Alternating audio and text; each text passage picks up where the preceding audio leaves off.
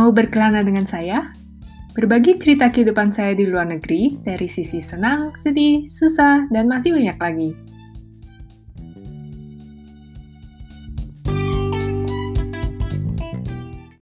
Nah, kembali lagi ya bersama Naomi. Nah, sekarang kan Naomi ini bekerja ya di Jepang.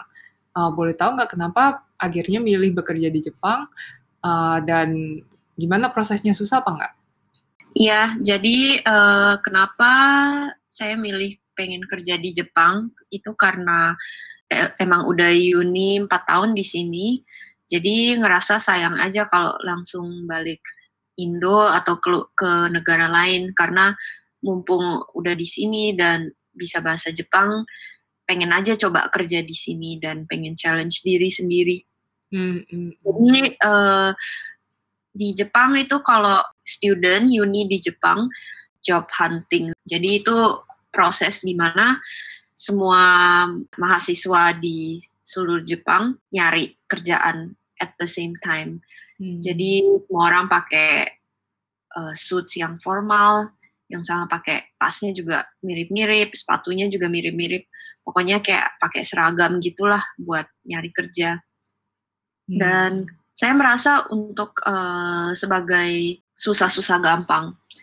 Hmm. Kenapa susah gampang itu karena uh, banyak banget company yang mengharuskan ikutin web test dulu dan web test itu 100% dalam bahasa Jepang. Jadi ada bagian biasanya tuh tes IQ, tes bahasa Jepang dan mungkin kadang-kadang disuruh tes bahasa Inggris. Jadi uh, semua pertanyaannya itu kan kecuali kalau yang bahasa Inggris itu bahasa Jepang semua dan of course sebagai foreigner itu nggak gampang untuk ngejawabnya. Jadi kadang-kadang sebelum bahkan sebelum bisa nyampe tahap lulus prosedur dokumen itu udah jatuh di yang proses web testnya. Hmm. Jadi itu yang susahnya. Tapi kenapa gampang itu sebenarnya ada banyak kayak jalur jalur untuk dapat kerjaan yang mungkin lebih gampang malah daripada orang Jepang sendiri. Jadi misalnya kalau untuk kasus saya tuh saya daftar ke perusahaan yang yang bisa introduce kerjaan untuk foreign students khususnya. Hmm. Jadi dengan banyak-banyak rajin ikut misalnya seminar yang diadakan khusus untuk orang luar yang diadakan oleh perusahaan ini, jadi eh, kadang-kadang nggak perlu web test lagi, udah bisa langsung interview atau banyak ada jalur-jalur khusus buat orang luar karena perusahaan Jepang tuh juga banyak yang emang lagi nyari orang luar gitu. Hmm, hmm. Hmm. Uh, nah, Naomi kan tadi bilang kalau mulai job huntingnya itu waktu tahun ketiga kan. Itu memang yeah. kalau misalnya dapat offer, kan masih sekitar setahun kemudian kan kemudian kan baru uh, bisa masuk kerjanya. Itu memang iya. biasa ya kalau di Jepang tuh seperti itu? Iya biasa. Ke, hmm. kayaknya untuk akhir-akhir ini maksudnya tahun-tahun akhir ini itu uh, prosesnya mungkin dimulai kalau nggak salah lebih telat. Tapi tetap aja pas masih ada lebih dari setengah tahun sebelum nyari kerja gitu. Tapi enaknya begitu kita lulus itu beberapa minggu lalu kemudian kalau emang udah dapat kerjaan kan udah pasti ya dapat kerjaan mm-hmm. ya tapi memang sekarang apalagi kondisinya makin kompetitif jadi ya cari kerjanya udah nggak segampang dulu mungkin ya hmm. uh, terus kalau untuk Naomi sendiri habis berapa lama untuk sampai dapat kerja uh, job offer itu Oh, untuk dapat job offer sih uh, mungkin sekitar uh, pas tahun saya masih universitas itu tahun saya tuh semua dimulainya sekitar uh, Desember. Jadi hmm. Desember itu mulai nyari tahu tentang perusahaan-perusahaan karena sebelum itu kan nggak terlalu tahu kan. Hmm. Jadi waktu itu ikut seminar uh, dari perusahaannya sendiri juga ada kadang-kadang perusahaan yang datang bikin booth di sekolah jadi uh, cari-cari info. Pokoknya nyari info sebanyak mungkin dan juga mulai mikir oh mau kerjanya tuh di perusahaan kayak apa gitu. Dan itu sekitar sebulanan terus habis itu baru mulai uh, nulis CV terus um, mulai entry-entry ke perusahaannya ini dan saya uh, daftar ke banyak perusahaan dan perusahaan atau job offer yang pertama yang saya dapat itu 1 April jadi uh, sekitar empat bulan ya. Oh, lama banget ya? Iya, tapi memang uh, agak unik karena nggak ya, nggak langsung daftar buat interview gitu kan pas Desember. Hmm. Jadi baru harus pertama harus nyari-nyari info dulu, terus uh, isi CV, ngirim CV, terus mungkin kalau ada ya ada perusahaan yang mengharuskan ada web test, terus interviewnya beberapa kali. Jadi emang prosesnya tuh lebih panjang dibanding kalau misalnya kayak cari kerja yang kedua atau hmm. atau cari kerja di luar negeri gitu loh. Uh, uh. Um, kalau yang saya lihat kan banyak anak lulusan universitas itu biasanya waktu apply mereka nggak tahu bakal di assign role apa gitu kan departemen yang nggak tahu mereka bakal jadi apa gitu loh kayak ya, terus iya. mereka belajar itu buat apa gitu kan itu mm ada nggak sih yang kayak uh, anak lulusan misalnya kayak lulusan matematika atau lulusan IT gitu yang benar-benar dapat jobnya yang berhubungan dengan yang mereka belajar itu. Ya, setahu saya sih uh, banyak ya yang dapat kerja yang berhubungan dengan apa yang mereka belajar. Kebanyakan mungkin yang lebih ke IPA gitu ya. Hmm. Kalau yang belajar IPA ya mungkin lebih spesifik. Apalagi kalau misalnya kamu belajarnya sampai S2 atau S3 bukan berarti pastinya harus kerja di bidang yang sama, tapi biasanya emang nyari kerjaan yang bakal uh, apa yang mereka sudah pelajari di universitas kan. Dan untuk IT juga menurut saya banyak yang uh, ngambil misalnya computer science atau apa yang uh, emang kerjanya di akhirnya di bidang IT.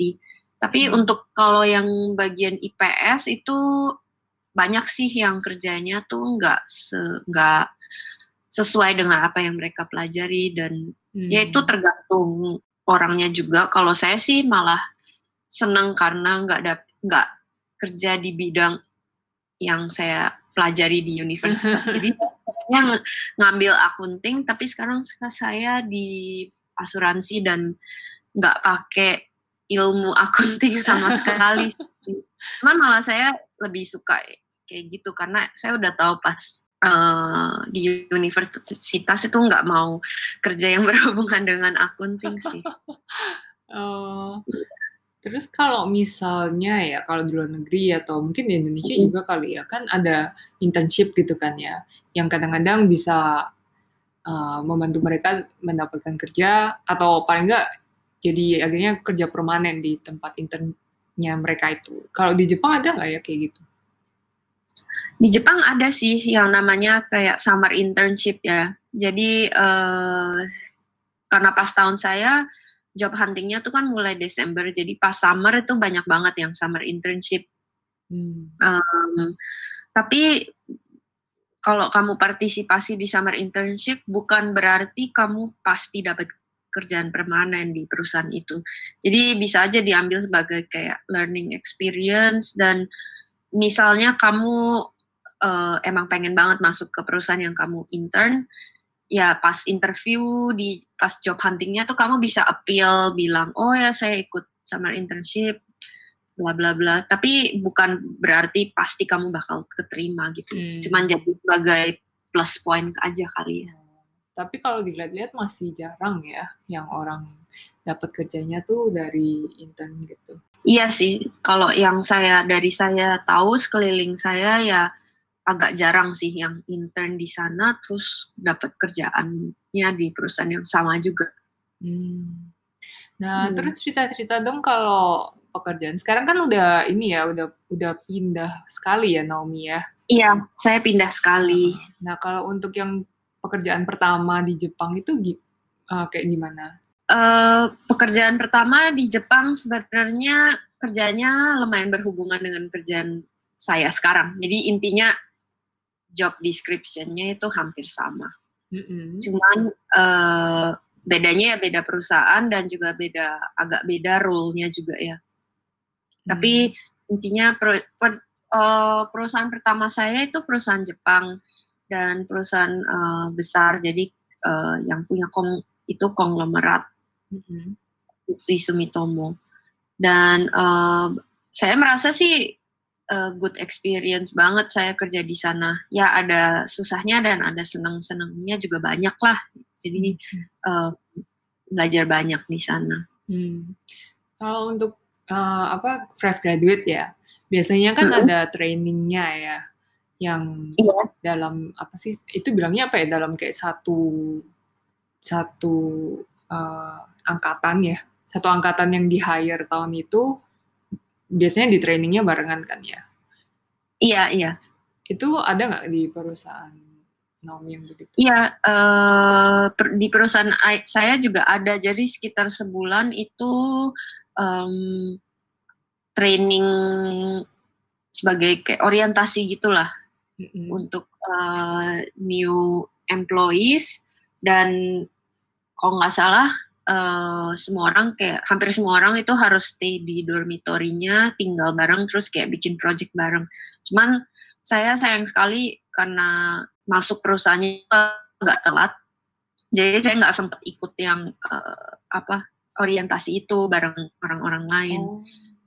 Iya, cuman uh, yang dari yang saya dengar dari kolik saya, kolik-kolik saya yang ikut orientasi itu sih sebenarnya nggak terlalu berhubungan dengan kerjaan atau asuransi gitu ya lebih kayak belajar cara group work, teamwork dan kayak komunikasi hmm, gitu aja hmm. sih.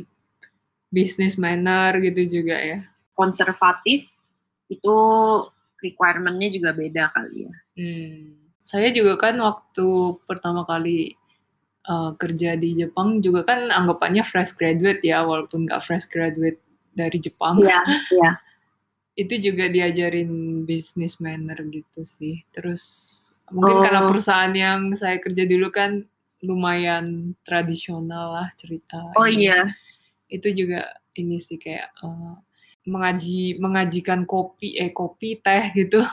Itu kan juga oh. termasuk di business manner gitu kan. Oh. Uh. Itu masih ada ya di perusahaan yang kamu oh, kerja oh, ada, pas itu? ada. Uh. Oh, ada. mungkin karena tra sangat tradisional ya. Jadi banyak hmm. biasanya cewek yang disuruh menyajikan kopi oh, iya. teh gitu.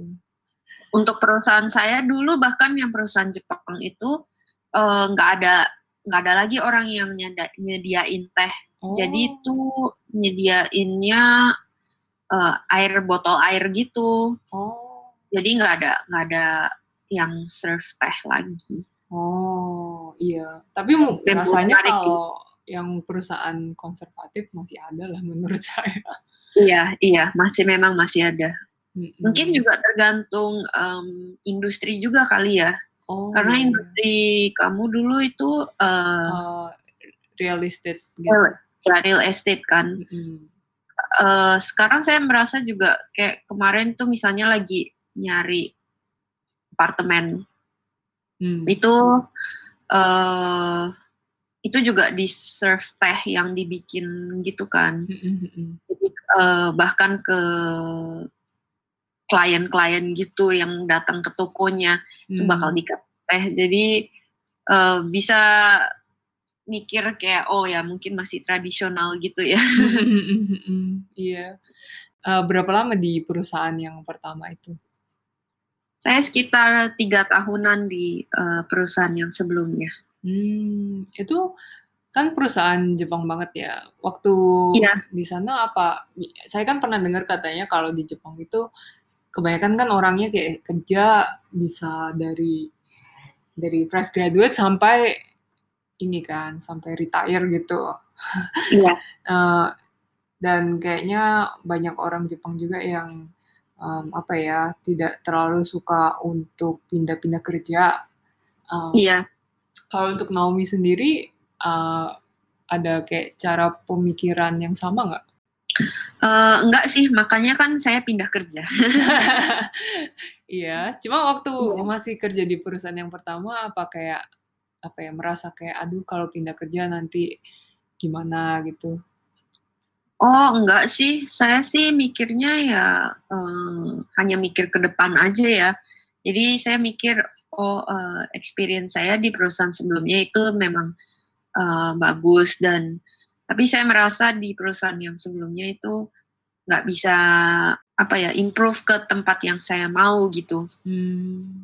dan nggak bisa memberikan uh, apa ya ilmu-ilmu yang saya pengen untuk jadi untuk mencapai sesuatu gitulah mm-hmm. dan karena itu ya saya memilih pindah kerja cuman kalau soal um, banyak yang nggak pindah kerja maksudnya kan di Jepang kebanyakan orang itu kerja di satu perusahaan seumur hidup kan namanya mm-hmm. itu memang banyak yang uh, seperti begitu. Tapi saya melihat tren untuk orang-orang yang lebih muda bahkan yang masuk di perusahaannya itu sekitar waktu yang sama seperti saya. Mm-hmm. itu banyak juga yang uh, memilih untuk pindah kerja gitu. Jadi untuk yang lebih orang muda mungkin udah nggak terlalu mikir lagi oh saya mesti mesti kerja selamanya di perusahaan ini. Atau kayak ya merasa ada pressure untuk stay di perusahaan itu itu udah nggak ada sih menurut saya. Bahkan bukan hanya untuk foreigner tapi juga orang Jepangnya sendiri gitu. Hmm. Itu kenapa ya dulu uh, pemikirannya seperti itu? Uh, saya mikir mungkin uh, pertama belum terbiasa untuk pindah kerja, mungkin trennya juga belum ada, mungkin juga belum tidak ada kesempatan untuk pindah kerja gitu misalnya ya. Hmm. Itu satu dan juga karena uh, di perusahaan Jepang apalagi di perusahaan yang besar itu dijamin bakal secara secara finansial kan kuat. Jadi kalau misalnya kerja terus bakal kayak naik pangkat hmm. dan kalau misalnya sudah mencapai umur berapa gitu, kecuali uh, emang orangnya nggak bisa kerja dan nggak kontribusi sama sekali ya mungkin itu kasusnya beda ya. Hmm. Cuman kalau ya kerjanya biasa-biasa aja, oke-oke aja, uh, otomatis bakal naik pangkat gitu. Misalnya pada tahun kelima kerja atau tahun ke-8 ke-8 kerja dan naik-naik terus gitu loh. Hmm. Jadi saya merasa itu semacam memberikan kayak sense of comfort gitu ya. Hmm. Kalau apalagi kalau misalnya uh, berkeluarga kan penting juga kan finansial untuk punya finansial yang uh, steady gitu yang nggak nggak nggak berubah-berubah gitu. Kalau misalnya stay di perusahaan Jepang itu terus ya ya bakal terjamin hidupnya oke okay lah gitu. Hmm ya kayak apa ya senioritasnya tuh pen, senioritas tuh dianggap penting banget gitu ya di perusahaan Jepang gitu. Uh, ya saya merasa senioritas uh, ya lumayan kentara juga ya. Jadi kalau misalnya ya kita harus respect kepada senior senior kita bahkan juga bukan terhadap misalnya uh, new employee terhadap manager itu ya udah pasti tapi juga respect ke senior yang misalnya setahun lebih tua atau pokoknya yang lebih yang masuk perusahaannya lebih duluan daripada kamu gitu. Hmm waktu pekerjaan yang awal itu apa ya. ada hubungannya dengan Indonesia atau enggak? Uh, sedikit hanya sebentar doang. Jadi um, ya kalau misalnya dijelasin agak panjang, tapi uh, intinya saya in charge of kayak kontrak reasuransi, menerima kontrak reasuransi mm -hmm. uh, dari internal dari grup asuransi yang ada di uh, Mitsui Sumitomo yang ada di Asia. Jadi misalnya uh, yang ada di saya dulu in charge-nya Vietnam dan Hong Kong. Hmm. Um, dan untuk sementara saya untuk nge-replace satu orang yang pindah departemen. saya nanganin Indonesia untuk sebentar doang, tapi um, uniknya ada kayak sistem secondment di perusahaan saya. Jadi itu karena perusahaan Jepang itu kan lumayan udah network di uh, luar negerinya itu kuat ya. Hmm. Jadi kita ada, dulu ada perusahaan di seluruh dunia, maksudnya di uh, Asia, di Amerika, di Eropa. Hmm. Dan ada sistem di mana employee di yang kerja di luar negeri itu bisa dapat training sekitar enam bulan atau satu tahun di Jepang di head office-nya. Oh.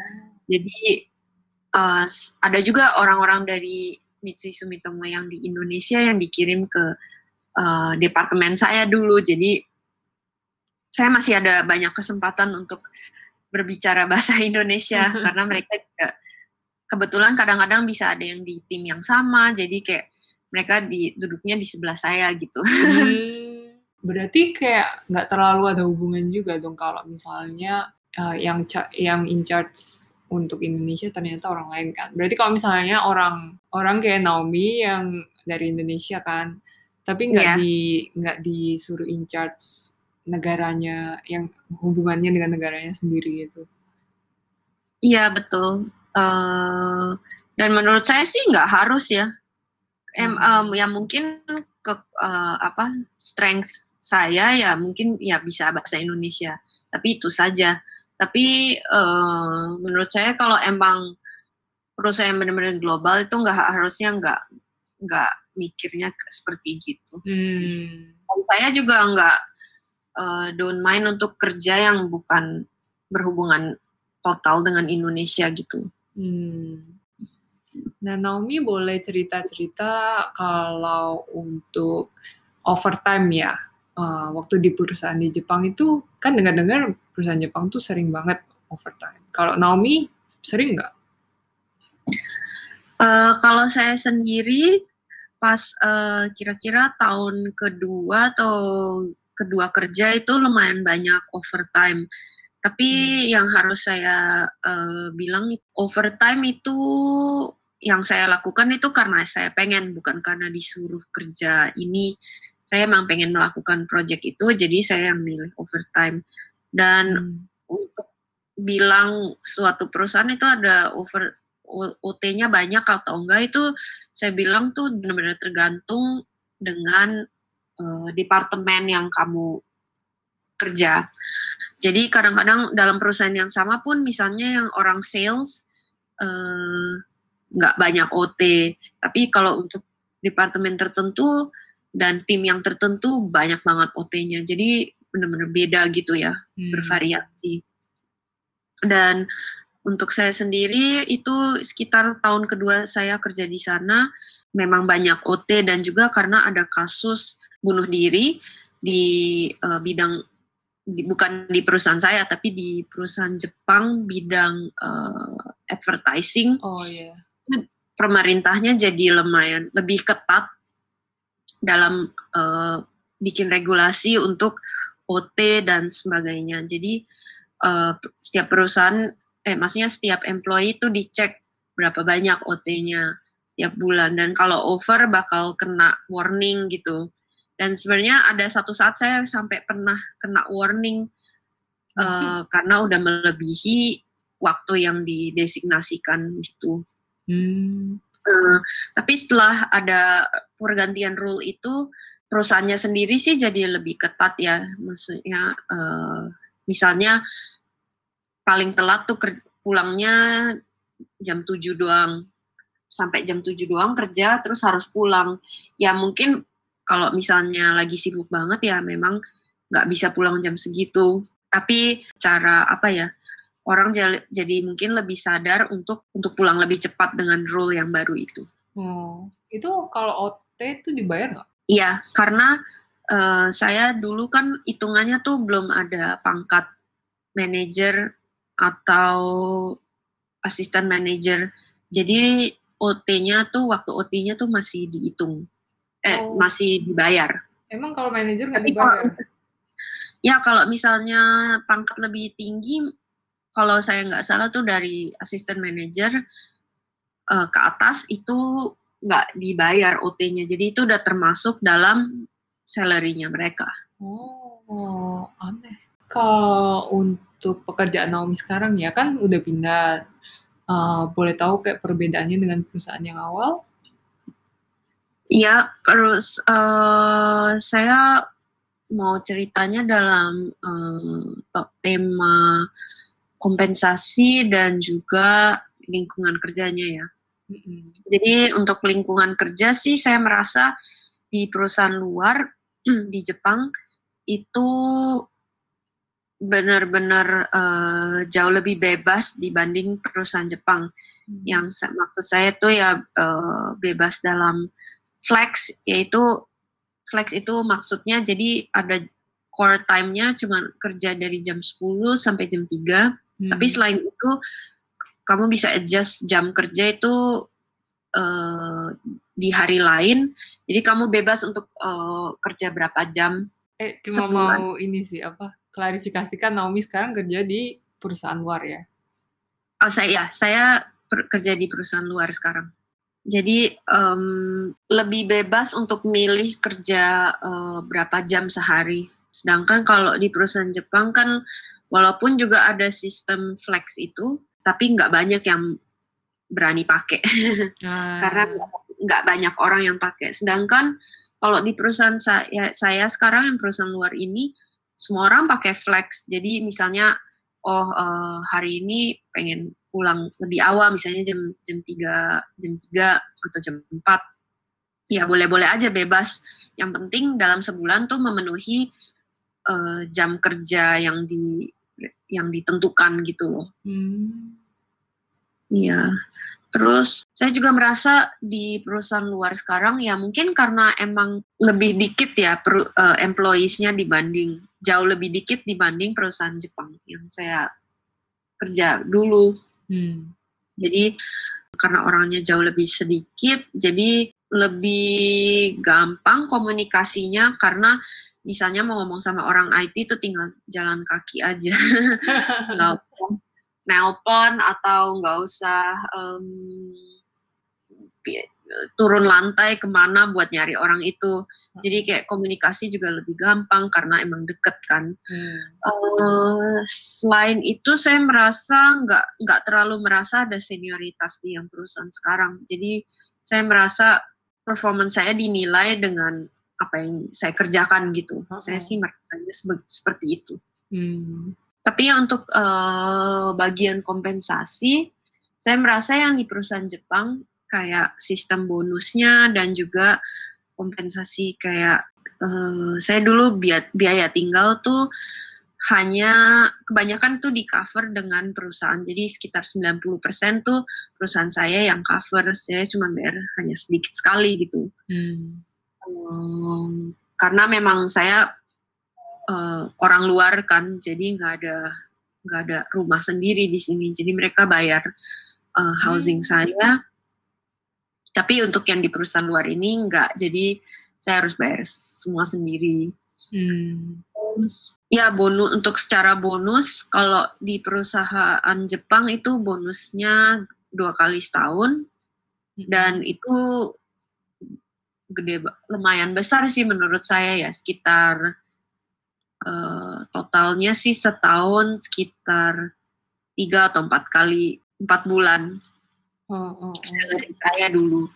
Kalau yang sekarang itu kan tergantung performance, tapi juga performance diri sendiri, tapi juga tergantung performance uh, perusahaannya secara global. Jadi kalaupun performance saya sendiri bagus, tapi kalau yang secara global nggak bagus ya bonusnya juga nggak terlalu bagus oh. gitu tapi ya itu tergantung perusahaan yang perusahaan mana yang kamu kerja karena emang cara hitung bonusnya kan beda-beda. Iya, tapi kayaknya sama sih. Kebanyakan pasti perform dilihat performance sama per, uh, performance kayak overall performance perusahaannya ya. Iya.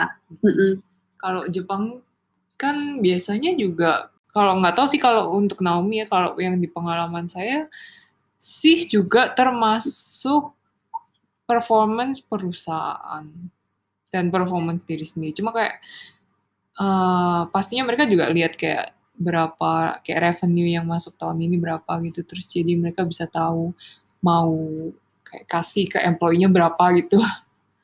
Iya, betul. Uh, tapi sih menurut saya karena perusahaan Jepang yang saya dulu kerja itu cukup stabil. Hmm. Jadi uh, bonusnya sih nggak bakal berubah begitu banyak ya. Hmm. Jadi stabil-stabil aja gitu. Iya. Kalau iya. orang lebih terefek oleh uh, lebih banyak efeknya ke bonusnya merasa kayak gitu karena hmm. 50% itu dari performance perusahaannya gitu kan. Hmm. Hmm. Iya iya. Dulu saya juga kan pernah uh, waktu di, masih kerja di perusahaan Jepang kan pernah dipindah dari Hiroshima ke Tokyo itu.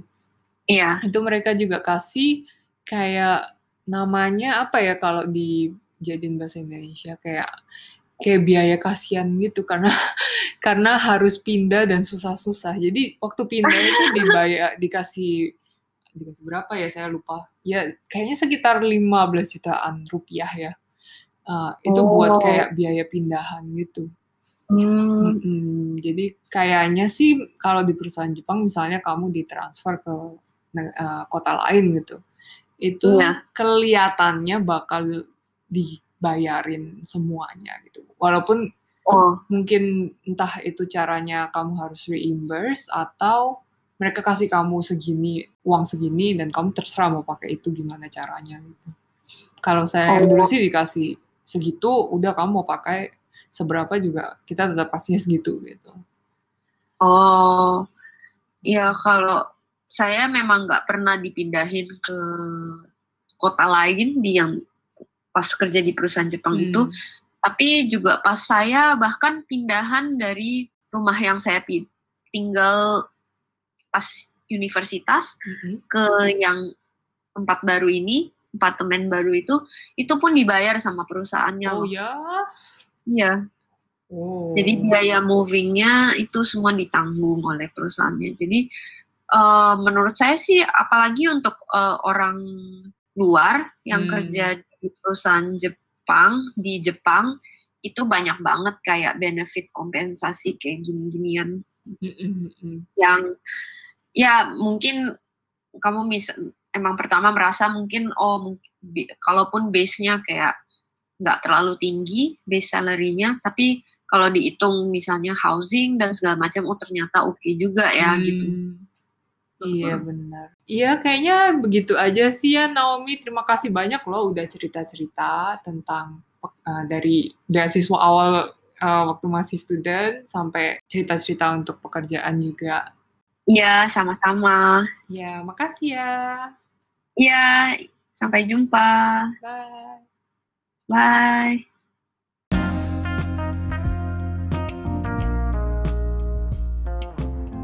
Terima kasih sudah mendengarkan podcast part 2 bersama Naomi yang sudah berbagi cerita tentang pengalaman dia bekerja di perusahaan Jepang sampai sekarang. Jangan lupa tune in di Berkelana Podcast after our short break. Hope you enjoy the podcast today and don't forget to follow Berkelana Podcast and if you have any questions, feel free to submit it through anchor.fm slash berkelana-saya.